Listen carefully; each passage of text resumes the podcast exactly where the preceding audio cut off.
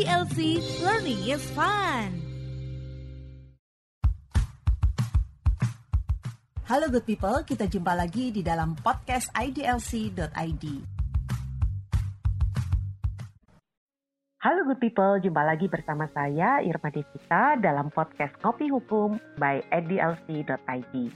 Kali ini IDLC bekerja sama dengan alumni Fakultas Hukum Universitas Indonesia Angkatan 1991 mengadakan Legal Expo 2021 dengan menghadirkan para praktisi hukum yang ahli dan berpengalaman dalam bidangnya masing-masing untuk membahas berbagai topik seputar hukum, prosedur, dan aturan.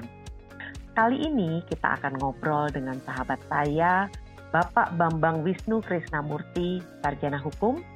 Beliau adalah seorang diplomat madya yang sudah berpengalaman di bidang diplomasi selama puluhan tahun. Wah, ini keren banget nih. Uh, beliau ini adalah hmm, seorang diplomat media yang saat ini dari sejak tahun 2018 hingga saat ini bertugas di Direktorat Sosial Budaya dan OI Negara Berkembang untuk Dirjen Kerjasama Multilateral Kemlu dengan lingkup tugas diplomasi kemaritiman, diplomasi TIK dan digital, diplomasi ruang angkasa, diplomasi penerbangan aviation, dan lain-lain. Halo, apa kabar Pak Bambang? Halo, apa kabar? Baik. Alhamdulillah. Ini suatu kehormatan ini kita bisa ngomong dengan seorang duta besar yang sudah malang melintang di Kemlu dan bahkan sudah dikembalikan lagi nih di Indonesia untuk ngurusin berbagai hal masalah diplomasi ya Pak Bambang ya. Iya. Waduh, keren banget ya, keren. Nah, eh, kali ini kita akan bahas tentang diplomasi kemaritiman. Nah, masalah diplomasi kemaritiman ini sebenarnya apa sih secara spesifiknya? Mungkin boleh tolong dijelaskan sedikit? Oke, baik. Uh, mm -mm. Terima kasih ya, Firma, sudah mm -mm. kesempatan. Nih, mm -mm. uh, mohon maaf kalau nanti saya akan coba uh, terangkan dengan bahasa yang sesederhana mungkin. Iya. Dimengerti gitu ya. Benar, karena pendengar kita nih banyak yang adik-adik fakultas nah, hukum, yang itu. rencananya kalau mau jadi diplomat itu harus Aduh. ngapain gitu loh. ngapain ya? iya, ngapain aja gitu loh. gimana gimana Bambang? Jadi gini, uh -uh. diplomasi kemaritiman itu uh -uh. dasarnya dibagi dua. Mm, mm, yang pertama adalah diplomasi kedaulatan di maritim. Oke, okay, oke. Okay. Mm. Mengurusi batas negara. Gampangnya contohnya itu adalah mm. konflik Laut Cina Selatan. Ah, benar tuh. Benar nah, tuh. Filipina, Vietnam gitu ya. Kemudian yang kedua itu adalah diplomasi maritim dalam konteks kerjasama ekonomi dan pembangunan. Nah, okay. ini mm-hmm. banyak dibahas di organisasi internasional namanya International Maritime Organisa- Organization. Jadi organisasi mm-hmm. maritim internasional. Nah, mm-hmm. organisasi ini badan PBB ini. Jadi oh, masuk okay. dalam keluarga besar PBB mm-hmm. untuk mengurusi kemaritiman. Nah, mm-hmm. persoalan apa aja yang dibahas? Mm-hmm. Yaitu satu keamanan maritim. Contohnya itu mm -mm. yang gampang itu perompak Somalia. Nah, itu. Oh iya iya iya betul betul. yang itu sempat rame banget itu ya. Rame itu. Uh, uh. Arm robbery and piracy ini salah satu. Mm -mm. Nah, kemudian ada lagi isu pembagian tanggung jawab mm -mm. antara flag state. Flag state itu pemilik kapal. Oke. Okay. Nah, dan port state. Port state itu adalah negara pemilik pelabuhan. Mm -mm. Nah, itu pembagian tanggung jawabnya gimana? Isu lain yang juga mungkin dekat sama kita lingkungan hidup. Ya betul tentang kapal-kapal yang melintas kena buang-buang oli ya. Buang-buang, ah, betul banget. Uh, uh, oh, wah, soalnya pernah nih ngalamin nih lagi lagi diving di Riau, wih Walah. badannya penuh ini, penuh penuh oli, nah, bangun-bangun kaget. itu harus ada yang dituntut, nah itu. Nah itu, itu benar-benar benar tuh. Ngatur gitu ya. Uh, uh, uh, uh, uh. Termasuk kalau ada kapal tanker hmm. kena musibah, ya, ya. tumpah. Nah itu juga. Ya Kemudian kayak Laut Banda dan Raja Ampat itu bagaimana yeah. uh, pengaturannya untuk pelestarian. Ya. Hmm. Nah, hmm, hmm. yang terakhir dalam ini hmm. masuk dekat sama Indonesia dalam konteks Indonesia dan juga pandemi COVID. Ini kita berdiplomasi untuk memberikan perlindungan pada ABK, alat anak buah kapal kita.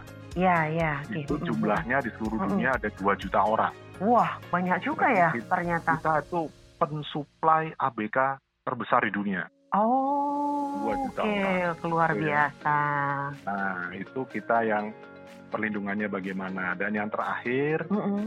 Jokowi itu bilang kita negara maritim. Nah, mm -hmm. ini perlu pengakuan hukum internasional. Mm -hmm. Nah, di sini kita berusaha berdiplomasi agar kepentingan-kepentingan maritim kita bisa diakomodasi oleh hukum internasional, seperti misalnya uh, perairan domestik yang memfasilitasi layaran internasional. Ya, ya, ya. Alki satu, Alki dua, Alki tiga itu ya. Ya. Terus mm -hmm. kemudian ada uh, perairan yang paling banyak dipakai untuk uh, navigasi internasional. Itu juga mm -hmm. ciri khas kita kan. Mm -hmm. nah, yang terakhir banget adalah capacity building maritim. Mm. Di mana kita mencari program-program kerjasama yang bisa memberikan capacity building mm -hmm. untuk bekerja bidang uh, kenavigasian kita. Jadi perusahaan-perusahaan pelayaran kita, pelabuhan-pelabuhan kita itu bisa dilatih untuk memenuhi standar internasional. Nah, kira-kira gitulah. Wah, keren, keren, keren. Jadi uh, artinya diplomasi kemaritiman ini tidak hanya berdiplomasi terkait dengan batas-batas, tapi termasuk supaya Indonesia mendapatkan kedaulatan penuh sebagai negara maritim begitu ya, ya Bambang ya. Betul. Nah, sekarang uh, tantangannya apa sih biasanya dalam melaksanakan diplomasi kemaritiman ini atau di, diplomasi maritim ini terkait dengan uh, penetapan yang tadi kan penetapan batas, penetapan aturan dan sebagainya. Itu mungkin boleh tolong dijelaskan tentang tantangan-tantangannya? Waduh, ini uh, kalau saya boleh curhat ini bisa dua jam. benar benar benar benar benar apalagi apalagi dunia apa nah Indonesia negara maritim ya pasti oh, problemnya oh, besar banget itu ya, problemnya banyak tapi yang paling menantang itu mm -mm. adalah mm -mm. jadi di AIMO itu ada 180 negara anggota Mm -mm, mm -mm. Ya, nah semuanya punya kepentingan sendiri-sendiri kan?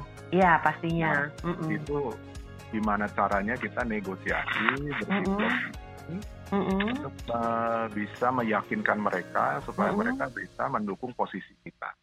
Oh, itu tantangan okay. terbesar.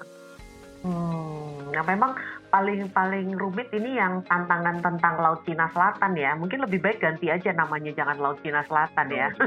karena langsung diklaim sama Cina soalnya karena dibilang Laut Cina Selatan. Iya. nah, dalam menghadapi uh, kendala-kendala tersebut, uh, apakah uh, posisi Indonesia dalam hal ini dalam diplomasi uh, terberat dalam dalam artinya kan sekarang kita bicara diplomasi kemaritiman. Tapi karena Bambang ini berbicara tentang uh, diplomasi udara juga, terus udah gitu ter terkait juga dengan TIK. Ini kan memang masalah kedaulatan yang memang sangat rentan ya uh, terhadap uh, marga negara Indonesia karena kan ibaratnya nih kalau kayak di negara yang seluruhnya daratan tentunya di, dijaga bordernya aja cukup gitu. Tapi kan kalau kita ini berkali-kali kan terjadi yang pencurian ikan, terus kemudian pelanggaran batas kedaulatan, mau lewatin Alki 1, Alki 2, Alki 3, eh tapi malah mampir gitu kan. Nah, tentunya berarti penegakan terhadap uh, kedaulatan itu sendiri uh, masih butuh banyak tantangan serta effort ya, Memang ya. Ya, betul. Mm -hmm. Jadi yang penting itu, oh mm -hmm. ya, sebelum itu. Yang pertama, mm -hmm. uh, negara landlock yang nggak punya pantai, mm -hmm. itu bukan berarti nggak punya kapal. Oh, Oke, okay. baru tahu nih malahan. Uh, misalnya Swiss landlock, uh, uh, uh, uh, uh, uh, uh. kapal laut. Jadi oh, dia okay, ikut, okay, okay. ikut dia dalam pendidikan pendidikan ini dia ikut karena dia oh. punya kapal gitu ya sebagai flag state kan gitu ya. Kalau soal Mei itu tadi perlindungan kedaulatan paling penting adalah yaitu hukum internasional itu harus ditegakkan, mekanismenya harus ada, SOP, uh, prosedurnya harus uh, jelas, tegas, mm-hmm. itu harus transparan, harus akuntabel. Jadi kita bisa menggunakan means-means itu untuk memperjuangkan kepentingan-kepentingan kita. Teman-teman mm-hmm.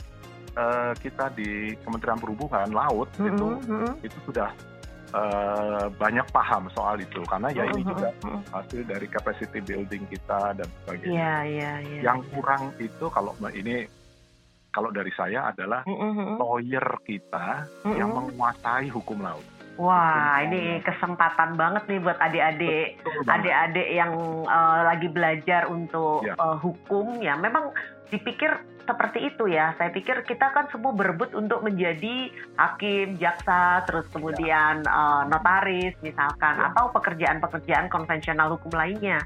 Tapi ya. lawyer kemaritiman yang ahli betul-betul ahli itu berarti masih terbuka lebar gitu ya. Sangat terbuka. Bang ya. Oh, Jangan keren keren. kita kalah sama Singapura, Malaysia. Uh, benar benar itu benar. Negara-negara itu sudah punya itu ahli-ahli hukum kemaritiman. Hmm, hmm, padahal kita yang lebih luas wilayahnya ya.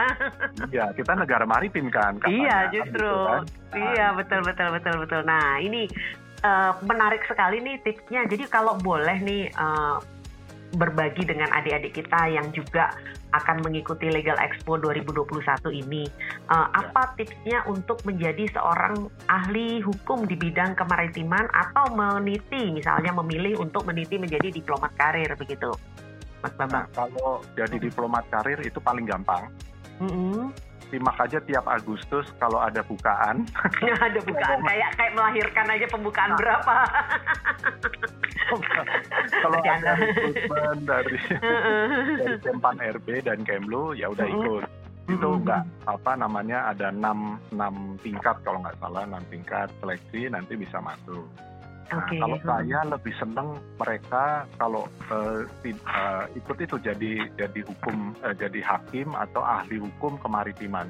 Hmm. Itu kalau hmm. nanti lulus sarjana hukum dari UI udah pasti hmm. keren kan itu kan ya? Iya iya iya iya. Itu ya. sekolahlah salah satunya di Bremen di Jerman. Oh, Ada okay. tentang hukum kemaritiman. Ada juga Australia juga punya ya negara-negara hmm. itu bisa dicari S2 di sana, kemudian nanti cari-cari apa kesempatan untuk internship bisa di AIMO, bisa hmm. di eh, kantor-kantor uh, lawyer uh, kemaritiman yang besar di UK hmm. sana. Nah, hmm. itu pulang, wah satu kasus bisa langsung beli rumah ya.